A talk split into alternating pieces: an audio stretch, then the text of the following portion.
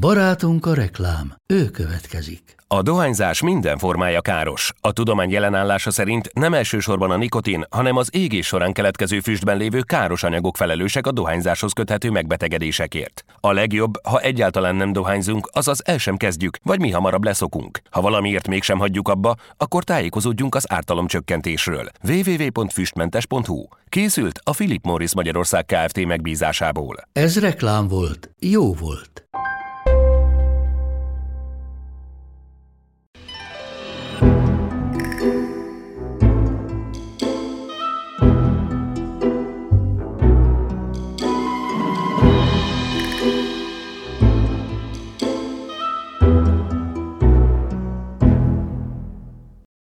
Sziasztok! Ez itt az Attágító Podcast, kuriózumokkal a történelem és a tudomány világából. Elképesztő, abszurd és humoros érdekességekkel. Én Júlia vagyok. A mai epizód, amely remélem informatív lesz a számodra, talán nem mindenkinek való, mert többek között csonkításokról is szó lesz. Ha a téma érzékenyen érint, akkor talán ugald át ezt az epizódot, és nyilván nem gyerekek fülének való. Angyali, ez volt az egyik legnépszerűbb leírás a kasztráltak hangjára. A kasztráltakéra, akiknek a hangja ma már nem reprodukálható. Akik szánalmat és undort, ellenszenvet és újongó csodálatot váltottak ki. Akiket aszexuális hermafroditaként bélyegeztek meg, és akiket örökké fiatalos hősökként emeltek mennyei szférákba. Mítoszok és a történelem. Vajon kitalálta ki ezt az ötletet? Megcsonkítani valakit, hogy szebben és magasabb hangon énekeljen. Az ember megborzong, amikor arról a 300 éven át igencsak elterjedt gyakorlatról hall, amikor az egyházi kórusok és világi operák számára 7-8-9 éves fiókból kasztráltakat csináltak. De a kasztrálás története nem itt kezdődött. A kasztráció maga több kultúra ősi mítoszaiban is megtalálható, például Egyiptomban, ahol Szét megöli Oziriszt és a fényistene, Horus, a borzalom napján letépi a sötétség istenének, Szétnek a heréit. Görögországban Kronos, Uranus, azaz az ég, és Gaia, azaz a föld fia, legyőzés kasztrálja apját, és átveszi a világ fölötti uralmat. A legismertebb példa arra a kultuszra, ahol a kasztrálás a pappás szentelés része, a kübélé kultusz, amely Frígiából ered, és a római birodalomban széles körben elterjedt volt. Kübélé eredetéről különböző történetek keringenek. Egy legenda szerint Agdisztisztől egy kétnemű lénytől származik. Mivel a többi isten számára Agdisztis nem volt szimpatikus, levágták férfi nemű szerveit. A kiherélt Agdisztisből kübélé lett. Az ő péniszéből született Attis, a világ legszebb férfia. Kübélé beleszeretett. Amikor azonban Attis feleségül akarta venni egy király lányát, Kübéle féltékenységből őrülettel büntette, aminek következtében Attis kiherélte magát és meghalt. Egy másik változat szerint Attis önként kasztrálja magát, hogy garantálja a föld termékenységét, és hogy kétnemű identitást öltsön magára, amely lehetővé teszi számára, hogy papként, szeretőként és szekérhajtóként örökké szolgálhassa kübélét. Akárhogy is volt, Kübéle minden papja, akiket Galli néven ismertek, a kultuszba való végső beavatáskor kasztrálta magát. Ezután csak női ruhákat viseltek, és életük hátra levő részében nőként mutatkoztak be. Egyébként épp a mai Vatikán helyén állt Kübéle egyik fontos szentélye, ahonnan érdekes módon később elterjedt a cölibátus és a kasztráltak úgymond használata. A korai kereszténységben olyan sok jámbor ember követte Origenes egyház atya példáját, aki állítólag aszketikus okokból kasztrálta magát, hogy a niceai zsinatnak meg kellett tiltani ezt az eljárást. A 20. század elejéig pedig Romániában és Oroszországban tevékenykedett a szkopcok keresztény szektája. A szkopcok egy vallási szekta, amely 1757 körül alakult Oroszországban, és a teljes szexuális önmegtartóztatást propagálta. A követőik annyira túlzásba vitték az aszkézist, hogy a külső nemi szervek, később pedig a női rituális megcsonkítása is általánossá vált. Vallási felfogásuk szerint az embernek Krisztus főparancsa szerint át kell esnie az idézőjelben a tűzkerességen, amelynek során kasztrálták, vagy külső nemi szerveit vörösen izzó vassal csonkították meg. A szkopcok a teljes szexuális önmegtartóztatást hirdették, és a mennyországba való belépés feltételeként a férfiak herének és péniszének eltávolítását, a nőknél pedig a szeméremtest körülmetélését és a női mell eltávolítását követelték. A beavatkozásokat izzásig hevített késekkel, baltákkal, sallókkal végezték, vagy éppen zsineggel kötötték el a szerveket. A szekta tagjait egyébként a rituális csonkítás előtt szamaraknak és kecskéknek, utána pedig fehér galamboknak és fehér bárányoknak nevezték. A jobbátság 1861-es oroszországi eltörléséig elsősorban a jobbágyok soraiból toboroztak új tagokat, akiket a tulajdonosoktól vásároltak meg, azzal a feltétellel, hogy a felszabadítottak hagyják magukat kasztrálni. A szkopcok gazdagsága szintén segített nekik az új tagok megnyerésében. A nemi szervek vallási indítatású csonkintásait még a második világháború után is dokumentálták. És végül Indiában ma is élnek a hijrák, akik többnyire férfiak vagy transzexuálisok, akik kis közösségekben élnek egy guru körül, és fokozatosan női viselkedést és életmódot vesznek fel. Az ilyen hijra családba való belépés legmagasabb szintje a férfi nemi szervek érzéstrenítés nélküli levágása. De most vissza az angyali hangú fiúkhoz. Az egyház és a kasztráltak összefonódó történelme. Ami ma természetesnek számít, nevezetesen, hogy nők is énekelnek a színpadon és az Isten tiszteleteken, a 17. és 18. században állandó vita téma volt. Évszázadokon át Pál apostol egyik levelének egy mondata szolgált egyfajta legitimációként arra, hogy kasztráltakat alkalmaztak nők helyett. Idézem. Az asszonyok hallgassanak összevő jöveteleiken, nincs megengedve, hogy beszéljenek, nekik engedelmeskedniük kell, ahogy a törvény is mondja. 11. kelemen pápa súlyos büntetés terhe mellett tiltotta el a nőket az énekléstől, idézem. Egyetlen női személy sem tanulhat szándékosan zenét azért, hogy énekes nőként lépjen fel. Mert köztudott, hogy az a szépség, aki színházban akar énekelni és mégis megőrzi tisztaságát, ugyanolyan, mint az az ember, aki beleugrik a tevere folyóban, de mégsem lesz vizes. 1609-ben a Sixus kápolnában a szoprán hangokat már csak a szólaltatták meg. A templomok ajtajai után az operáké is megnyílt a kasztráltak előtt, és bár az egyházi hatalmasságok hivatalosan elítélték a kasztrációt, mégis 32 pápa élvezhette a kasztráltak angyali énekét. De nézzük, mit lehet a procedúráról tudni. A barokkorban évente állítólag sok ezer fiatal fiú került kés alá földön túli szépségű és tisztaságú énekhangért. Sajnos nincsenek pontos adataink, de a feltevések szerint legalább a felük meghalt az eljárást követően. Ennek ellenére elég sok szülő vetette alá fiát ennek a kasztrációs eljárásnak. Azt remélték, hogy utódaikból híres opera énekesek lesznek, és így természetesen sok pénzt keresnek majd.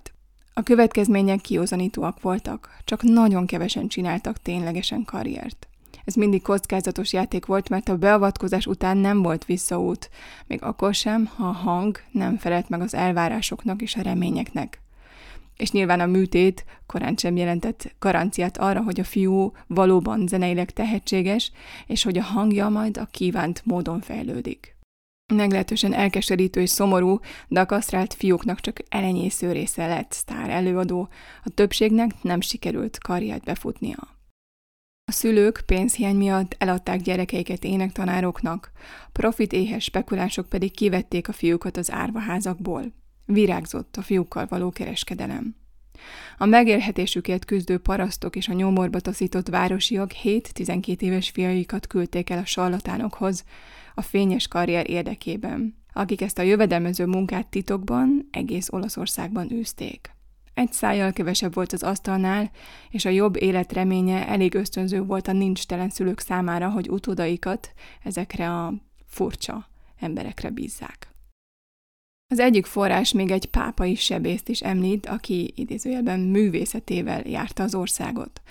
Ha nem volt elég pénz az utazási költségekre és az orvos tisztelet díjára, a műtétet sokszor állatorvosok végezték el, akik tapasztalattal rendelkeztek a lovak és a juhok kasztrálásában. De hogy mondtam, a kasztrálás maga nem jelentett garanciát arra, hogy a fiúk valóban elnyerik azt az édes, ezüstös hangot, amelynek hallatán az őket hallgató hölgyek és urak sírva fakadtak vagy elájultak az örömtől, ahogy a beszámolók írják. Néhány fiúnál kezdettől fogva nem mutatkozott zenei hajlam, őket mint egy véletlenszerűen műtötték meg. Másoknál a hang nem vált módon fejlődött vagy teljesen elveszett. Ezek a fiúk általában zenetanárként vagy szerzetesként éltek, nem ritkán azonban prostituáltként és koldusként engedték életüket. A kasztrálás A kasztrálásról magáról kevés és ellentmondásos és főképp nem hivatalos információk vannak. A fiúkat 7-8-9 éves korukban ópiummal kábították el, és befektették őket forró vizes kádba, amíg a fájdalom érzetük nagymértékben csökkent. Az orvos, állatorvos, sarlatán aztán a helyrezacskó bemetszésével elvágta az ondóvezetéket, elkötötte a heréket, vagy akár teljesen el is távolította. Ez gyakran egy speciális késsel a castratórival végezték. A múzeum vitrínben meglehetősen ártalmatlanul néznek ki, mint egy régi módi olló. De ezek a fiúk kasztrálására használt eszközök voltak, akik visszafordíthatatlan áldozatot hoztak énekesi karrierükért. A képeket megtalálod az Instagram oldalamon, ha érdekel. Ez volt tehát az első lépés a köves úton a sztársághoz, amelyet szegény családok fiai jártak be, akik azt akarták, hogy a gyerekükből híres és gazdag sztárok legyenek. Azonban a kasztrálás mindig egészségügyi kockázatot jelentett. Ez már a sebészeti beavatkozással elkezdődött. Ha a műtéti eszközök nem voltak sterilek, gyulladás léphetett fel, és akkoriban még nem ismerték az antibiotikumokat. A túlélőknél a fejlődés másképp folytatódott. A herék eltávolítása azt jelenti, hogy a tesztoszteron nevű hormon nem termelődik. A fiatal férfiaknak nem nőtt szakálluk, nem kopaszodtak, és gyakran impotensek voltak. Mivel a nemi hormonok a növekedést is szabályozzák, egyes kasztráltak szinte groteszk magasan nőttek, és melkasban nagyon szélesek lettek. A hangszálak azonban nem nőttek velük együtt és pontosan ez adta a kasztráltak jellegzetesen makulátlan, ezüst angyal hangját. A rövid hangszalagok adják a magas hangokat, amelyek aztán különlegesen telt és erőteljes hangzást kaptak a nagy melkasnak köszönhetően, ami egyfajta rezonátor testként szolgált. A kasztráltak hangjára komponált repertoára valaha is az emberi hangra írt legigényesebbek közé tartozik, mint például Handel Ombra My című műve. Az epizód leírásában posztoltam egy linket, ahol Cecilia Bartoli, a híres római operaénekesnő előadásában, aztán egy másikat, szintén világhírű kontratenor Filip Zsáruszki előadásában hallgathatod meg, illetve egy harmadikat kisé modernebb zenei aláfestéssel, ha érdekel. Kemény képzés. A szerencsésebb fiúkat zenei konzervatóriumokban képezték ki, amint a sebeik begyógyultak. A idézőben normális tanulóktól elzárva tanultak, de sokan nem bírták sokáig a kemény képzést, és a bizontalan jövőbe menekültek. Többek között idegen nyelvek, harmónia, zeneszerzés és hangelmélet szerepelt a fiúk rendjében. Egyetlen későbbi korszak sem nyújtott ennyire átfogó zenei képzést a jövő sztárjainak. Opera Seria a kasztráltak az opera színpadon nagyon keresettek voltak. Ez a kor vokális esztétikájának volt köszönhető, mondja Corinna Hale, professzorasszony, aki a kasztráltakról egy vaskos szakkönyvet írt. Idézem. Két azonos magasságú hangnak kellett elénekelni az első párt, és kellett ezeknek a magas hangoknak összefonódniuk. A 18. századi opera leghíresebb kasztrátjai közé Senesino, Caffarelli és Farinelli tartoztak. Ez utóbbi, akinek igazi neve Kálo Broszki volt, állítólag három és fél oktáv fölött énekelt, és percekig tudott tartani egy hangot. Farinelli volt a legnagyobb és legtehetségesebb kasztrált, aki valaha élt. A hangját természetfelettinek tartották. Nemesek, festők és zeneszerzők imádták. A hölgyek sorra elájultak, amikor fültanúi lehettek lélegzetelállító koloratúráinak. De nem csak ők. Férfiak és nők, királyok és pápák voltak elragadtatva művészetétől. Nem tudtak betelni vele, fejedelmi béreket fizettek neki. Farinelli szegény körülmények között született Nápoly közelében. Apja a pubertáskor és az ezzel járó hangváltozás megelőzése érdekében fiát 8-9 éves korában kasztráltatta. A fiú ezután a talán leghíresebb énektanár és zeneszerző Nikola Porpora tanítványa lett, és először az olasz, majd az angol opera sztárja senki sem tudta nála tovább tartani a hangokat. Hangterjedelme egyedülálló volt, nagyobb, mint más kasztráltaké. Közönsége viharos ünneplései legendásak voltak. Evviva il coltello, benedetto il coltello, éljen a kiskés, áldott legyen a kiskés, kántálták a fanatikus nézők, hallgatók egy-egy virtuóz előadása után. A róla szóló Farinelli című filmben a kasztrált hangot egy trükkel hozták létre. Egy férfi és egy nő énekes énekelt a szerepet, és a számítógépben a két hangot egy hangá keverték. Az epizód leírásában posztoltam egy linket a filmből is, ahol Farinelli hihetetlen hosszan, levegővétel nélkül trillázik, ha érdekel. Gazdagság és hírnév, pazar ajándékok, sőt, nemesi címek. A kasztráltak ugyan a 17. században és a 18. század elején még a műsorfőzetekben sem szerepeltek, de a 18. század közepére hirtelen átvették az uralmat a közönség elméje és érzékei felett, és énekes szupersztárokká váltak. A színpad 1650 és 1800 között kizárólag az ő területük volt. Itt minden szuperlatívusra igényt tarthattak. Ők énekelték a legmagasabb hangokat, ők kapták a legmagasabb honoráriumot. Hangjukat a magas hangok és az erő kombinációja miatt becsülték. A zeneszerzők lelkesedtek a hangok összetettebb lehetőségeiért. A leghíresebb zeneszerzők, mint Monteverdi, Handel és még Mozart is írtak nekik. Nérot, Julius Caesart, Orpheus vagy Pompeius testesítették meg Nápolytól Londonig. A királyi házak pedig exkluzív szerződésekkel, drága ajándékokkal és hatalmas összegekkel licitálták túl egymást. Árnyoldalak A kasztráltak a színpadon kívül azonban megvetéssel és gúnyjal találkoztak. Hátborzongató exotikumnak számítottak, a társadalom kitaszította őket. A színpadon bálványozták, a magánéletben is társadalmilag viszont kirekesztették őket. Ezt a kettőséget kellett elviselniük nap mint nap. Ez volt életük szomorú másik oldala. Mindenek előtt a nemzőképtelenség jelentett számukra súlyos lelki terhet. Az egyház számára a házasság célja a gyereknemzés volt, és mivel a kasztráltak erre nem voltak képesek, nem házasodhattak. Mivel, ahogy említettem, a kasztrációt a pubertáskor előtt végezték el, ezeknek az embereknek a teste prototipikusan fejlődött. Könnyű volt felismerni őket nem csak magas hangjukról, hanem feltűnő termetükről is. A fiúk azért lettek magasabbak, mert a hiányzó herék miatt a csontok, a hosszú csontok porcos végdarabjainak csontosodása elhúzódott. A híres Farinelli állítólag 196 centi magas volt. Ami szintén feltűnt, az a hatalmas melkas volt, amelynek, idézem, jobbról balra ugyanolyan átmérője volt, mint előről hátrafelé. A nőies megjelenés ívelt kulcsontot és teljesen szőrtelen arcot kölcsönzött a kasztráltaknak.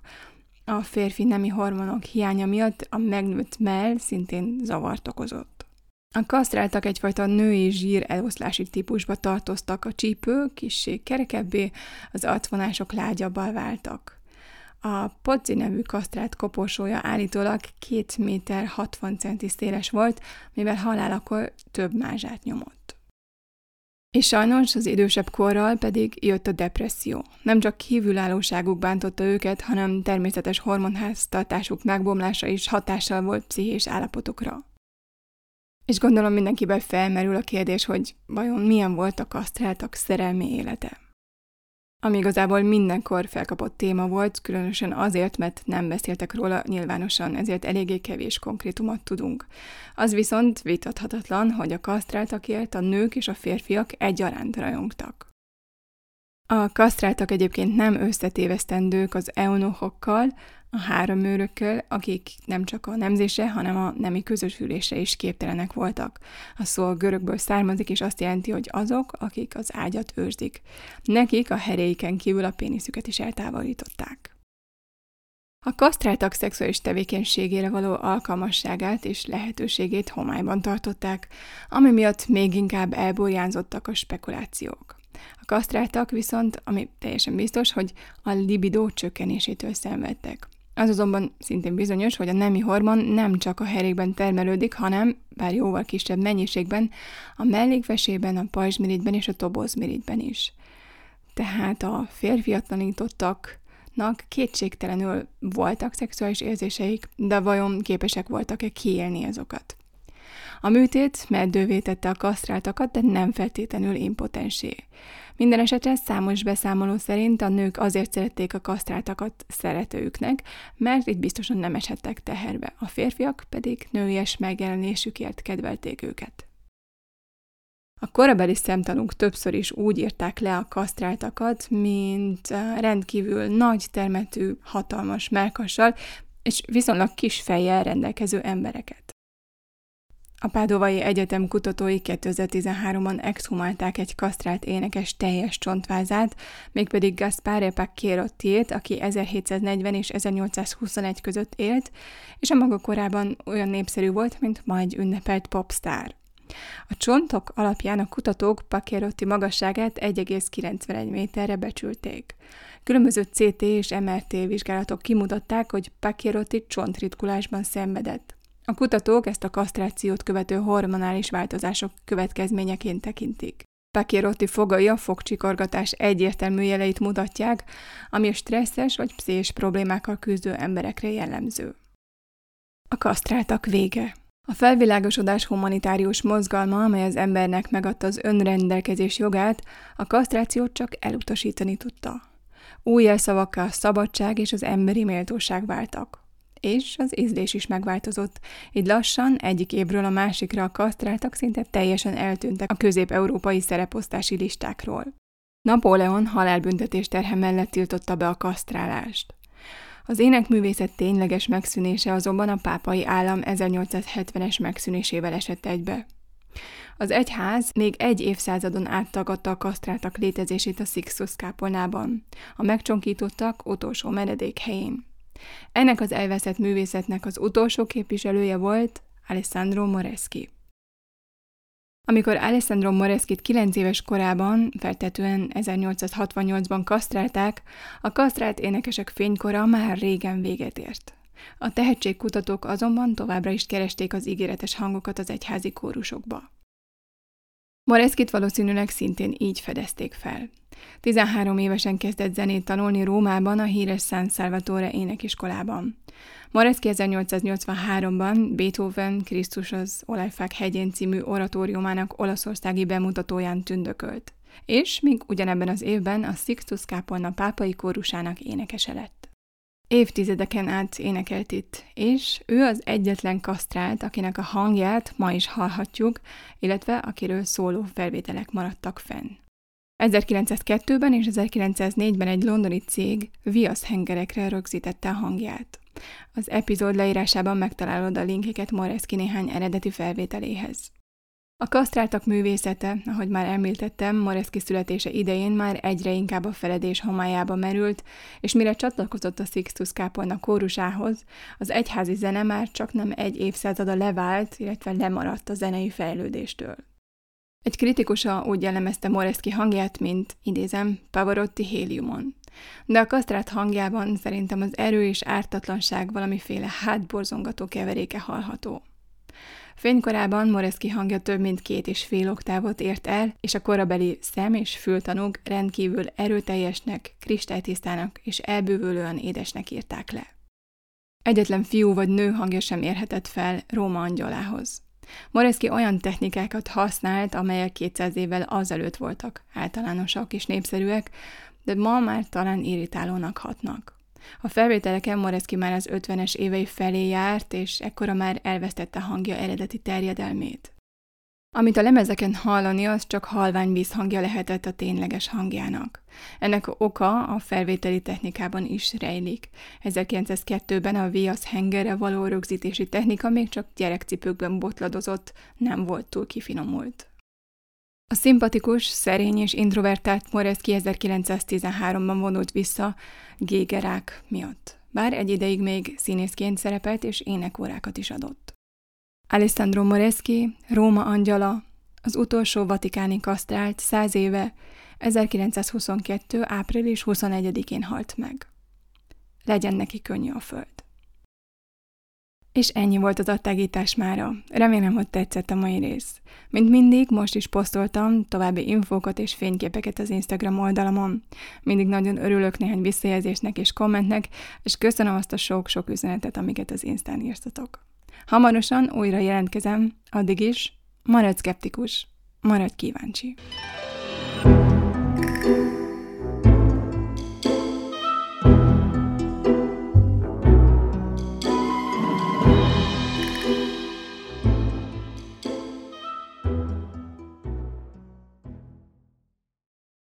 Ha más podcastekre is kíváncsi vagy, hallgassd meg a Béton műsor ajánlóját. El tudod képzelni, hogy a podcastet, amit éppen most hallgattál, fél év múlva már a mesterséges intelligencia generálja? Mi sem. De ha érdekel, eljött már a gépek lázadása. Hallgass bele az Embertelen podcastbe. Orsós Lajos vagyok, a műsor házigazdája. Egyelőre még élőben. Egyelőre. Fedezzük fel együtt, hogyan ismerkedik, randizik, mesél és vitatkozik Betty és Péter, két teljesen mesterséges intelligencia. Lajos, a podcast címét mond még egyszer, Léci. Oké. Okay. Embertelen podcast. Ez a műsor a Béton közösség tagja.